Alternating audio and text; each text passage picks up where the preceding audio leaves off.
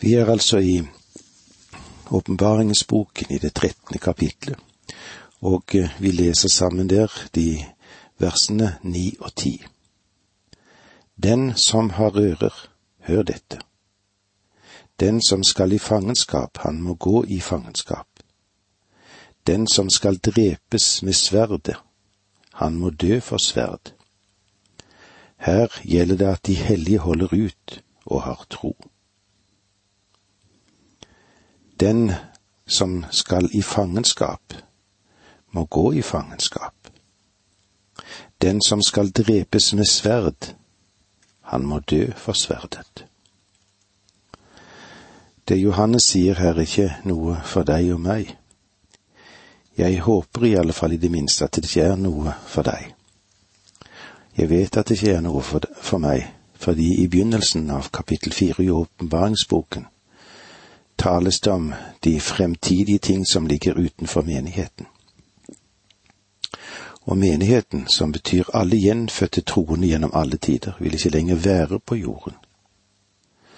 Johannes taler til Guds hellige som vil være i verden ved den tid.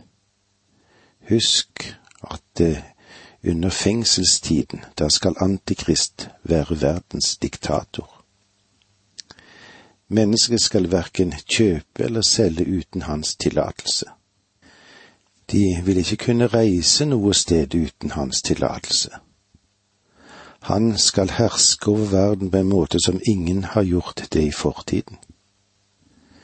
Gud sier til dem som er hans egne, reis dere ikke imot ham. For det første vil ikke være noe vits i det. Det andre er at det er de hellige som holder ut og har tro. Det er det det dreier seg om her. Og om du er i verden under trengselen, da må du bære den med tålmodighet, og tro i de fryktelige prøvelser som da vil komme, også over Guds barn. Det virker som om Gud vil trekke seg tilbake fra verden, og han vil overgi dem til Satan. I dag er Den hellige ånd i verden, og han begrenser, og han bøyer motstand. Han holder tilbake det onde, selv om det ikke kan virke slik for oss. Tenk bare på hva det vil bli når han blir tatt bort fra sin tjeneste. Og når det onde mennesket fullt og helt skal kunne herske. Satan vil nå ha full råderett. Dette vil medføre at djevelen og hans onde hær og den fortapte slekt aldri vil være i stand til å si til Gud, du ga oss aldri en sjanse. Om du hadde gitt oss en sjanse, så ville vi kunne ha skapt en ny og lykkelig verden. Gud vil gi dem en sjanse i en kort periode. Om det ikke bare har vært en kort periode, da ble intet kjød frelst som den Herre Jesus sa, og det kan du se om i Matteus 24, 22. Vi går nå videre og ser på dyret fra jorden, en religiøs leder. Det første dyret er en politisk leder, en politisk makt og person, og hans makt skal omfatte hele verden. Nå kommer vi til det andre dyret, det som stiger opp fra jorden og er en religiøs leder. Vi leser det ellevte verset i kapittel 13. Da så jeg et annet dyr. Det steg opp av jorden. Det hadde to horn som et lam, men talte som en drake. Vi vil nå få en beskrivelse av dyret. Dette dyret er lettere å identifisere enn det første. Har vi først fått på plass det første dyret, så er det ikke så vanskelig å identifisere det andre. Det første dyret stiger opp av havet, og det andre stiger opp fra jorden. Hva er forskjellen? Havet representerer folkene i verden. Den store menneskemasse er i dag som et bølgende, rastløst hav. Det har alltid vært sant. Den jord som dette andre dyret stiger frem fra, er symbolsk for Palestina. Og det antas som naturlig at det andre dyret kommer fra Israel. Han er en Messias. Og Israel ville aldri ha akseptert ham uten at han kom fra deres land og var en av dem. Det hadde horn som et lam. Dette forteller at dyret imiterer Kristus. Det første dyret står mot Kristus. Han er antikrist. Det andre dyret imiterte Kristus. Han er også antikrist. Når vi tenker på at anti betyr også istedenfor, han står frem som Kristus. Han har to horn som et lam, men han er en ulv i fåreklær. Han imiterer Guds lam som tar bort verdens synd. Men eh, det er en kolossal forskjell med dette kopilammet. Det kan ikke ta bort verdens synd. Isteden så legger han synd til. Ja, han kommer til å mangedoble denne i verden. Han kommer for å gjøre det første dyrets vilje. Han er en skygge Kristus. Han vil si en hel del om å elske hverandre. Men under overflaten her er han et farlig dyr. På samme måte som det første dyret var det, og forfører hele verden. Og Jesus sa det slik i Matteus 7,15. Vokt dere fra de falske profeter. De kommer til dere i saueham, men innvendig er de glupske ulver. Dette andre dyr er en modell for alle falske profeter. Han er en antikrist. Det tar to menn for å forsøke å fylle den stilling som Kristus fyller. Men ingen av dem kan jo fylle den. Men Satan trenger altså to menn bare for å prøve å skape en imitasjon av ham. Og igjen sier Jesus, og da henviser vi til Matteus 24, 24. For falske messiaser og falske profeter skal stå fram og gjøre store tegn og ynder, for om mulig å føre vill selv de utvalgte. Den falske profet er en slags døperen Johannes i forhold til det første dyret.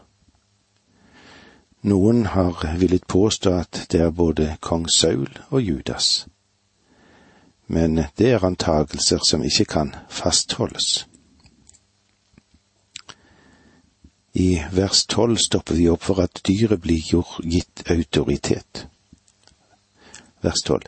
All den makt det første dyret har, bruker det andre dyr etter oppdrag fra det første. Det får hele jorden og dens folk til å tilbe det første dyret, det som hadde fått sitt banesår leget. Det andre dyret har altså delegert autoritet fra det første dyret, som da betyr at det andre dyret er underordnet det første, men det er samtidig av samme art som det første. Det har den samme makt. Han leder an i en bevegelse for å utrydde skjøgen i åpenbaringen 17, som er den falske menighet, og som vil ha en eksistens også under den store trengsel. Johannes gir ikke denne menigheten anerkjennelse ved å kalle den menighet, men den blir kalt en skjøge, en hore. Den sanne menighet som nå er løftet bort fra jorden, blir kalt Kristi brud men her møter du den siste fremstilling av en frafallen kirke med all sin humanisme. Den falske profet vil tilby verden noe nytt den kan tilby. Det første dyret, syndens menneske, den siste diktator. Det kan du se om både i Daniel og i Matteus og i Tessalonikerbrevene. Her blir han presentert for oss som den fryktelige vandredyr som vil opphøyes til første dyret i den guddommelige verden og la det tilbes. Det var eh, Så langt vi kom i dag. Takk for nå, må Gud være med deg.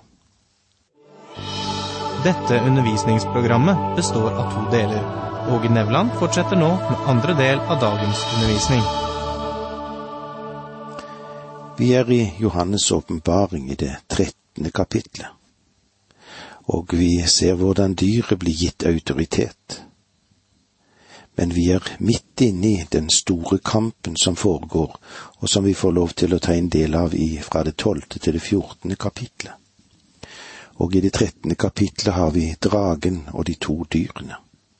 Og nå er vi altså i det som vi sa, dyret blir gitt autoritet, eller slik som det står i det tolvte verset her i det trettende kapitlet.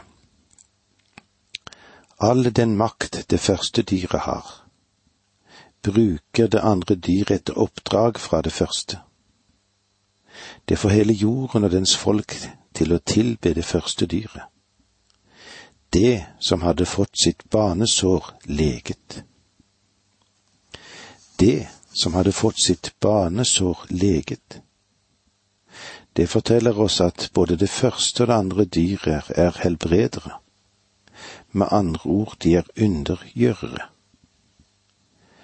Dette er den store løgnen. Dette er den store forførelsen som kommer til verden.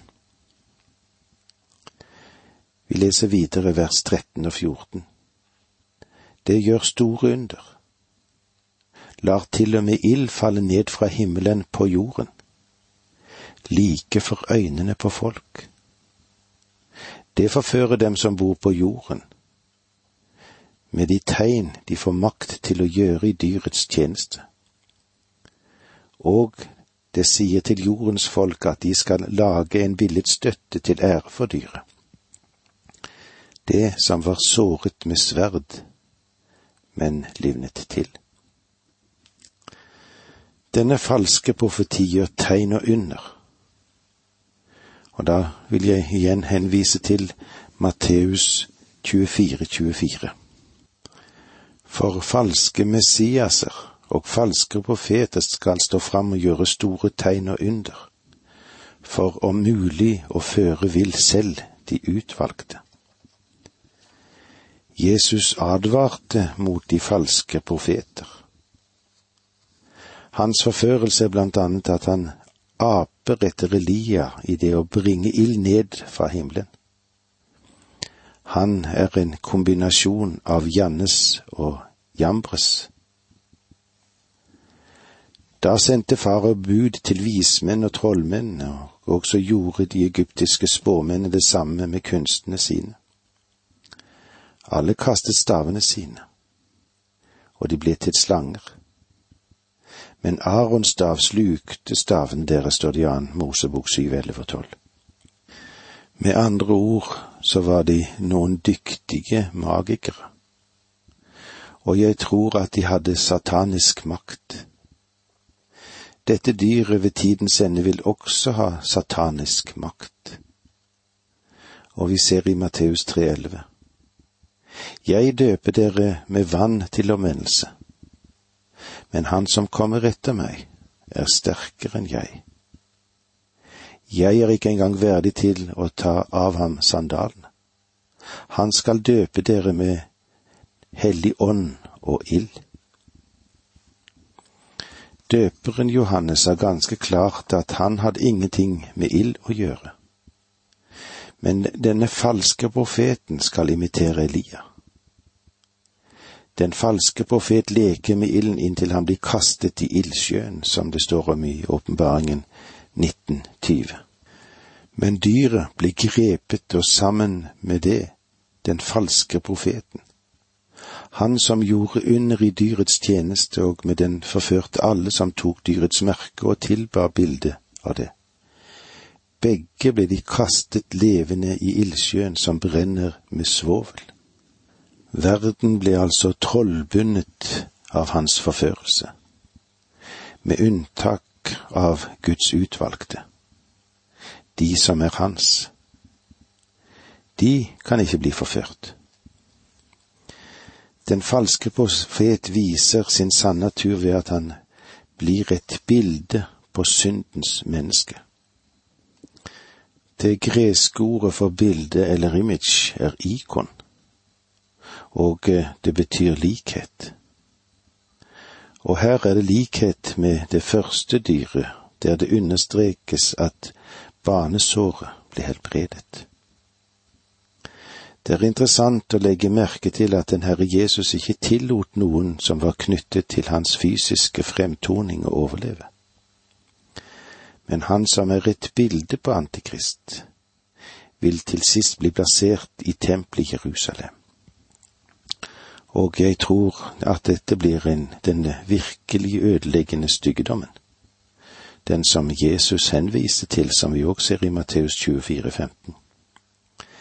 Den ødeleggende styggedom som profeten Daniel talte om, skal da stå på det hellige sted. Forstå det, den som leser. Dette er den ødeleggende styggedom som skal fremstå. Og selv om jeg ikke vil være for bastant i mine påstander, så tror jeg at det vil være dette bildet av Antikrist, det første dyret. Dyret, forførelsen, gjennomsyrer hele verden. Og vi leser nå videre i versene 15 til 17. Det fikk makt til å blåse liv i dyrets bilde, så det til og med kunne tale, og til å la drepe alle som ikke tilba dyrets bilde. Det sørger for at alle, små og store, rike og fattige, frie menn og treller, får et merke på sin høyre hånd eller på pannen og ingen kan kjøpe eller selge uten å ha dette merket dyrets navn eller det tall som svarer til navnet. Det fikk makt til å blåse liv i dyrets bilde. Dette blir en helt annen type idol. Jesai og alle profetene nevner at avguder ikke kan tale. Paulus nevner også det men her møter vi en avgud som vil tale. Vitenskapsmenn i den tid vil måtte avgi rapport at de ikke kan forstå dette. De kan ikke forklare det. Det er et under. Og det vil få hele verden til å venne seg til dyr og tilbe det. Nå smeltes religion og økonomi eller handel sammen for du må ha dyrets merke for å kunne handle. På Johannes sin tid var soldater merket med av sine kommandanter. Slavene, de var merket av sine herrer. Og de som var knyttet til spesielle hedenske templer, var merket med det tegnet på den gud eller gudinnen som de tjente. Potlemeos Potlefar beordret alle jøder i Alexandria merket med et eføyblad, som eh, var symbolet for eh, på Dynøysos. I våre dager er det røster som hever seg for å forenkle den jungel av plastkort vi etter hvert må dra på. Et merke eller en kode knyttet til mennesket selv ville løse problemet. Nå må du ikke misforstå meg. Dette er ingen fullbyrdelse av profetien, men viser oss at profetien kan fullbyrdes. Hva er dyrets merke? Det er ingen av oss gitt å vite det. Det sies ikke noe om det, men det er jo mange som forsøker å fortelle oss det likevel. Og det kan ikke jeg. Jeg makter ikke å gjøre det. Dyret og bestemmelsen vi leser vers 18. Her trengs det visdom. Den som har forstand, han får regne ut dyrets tall. For det er et menneskes tall, og tallet for det er 666. Her trengs det visdom, og det synes å være ganske ironisk uttrykk når man tenker på alle de spekulasjoner som florerer gjennom tidene når det gjelder dette verset. På gresk er det noe melodisk ved denne tallkombinasjonen. Heksakosoi, 600, heksekonta 60, heks 6. Dette er en tallmessig verdi knyttet til hvert av disse tallene. Men vi må bare la dem stå der de er. For dyrets synlige tall og betydninger det venter enda på sin fullbyrdelse. Og jeg kan ikke tro at dette har skjedd enda. Dette tallet har vært et puslespill som mange mennesker har lekt med på mange forskjellige måter.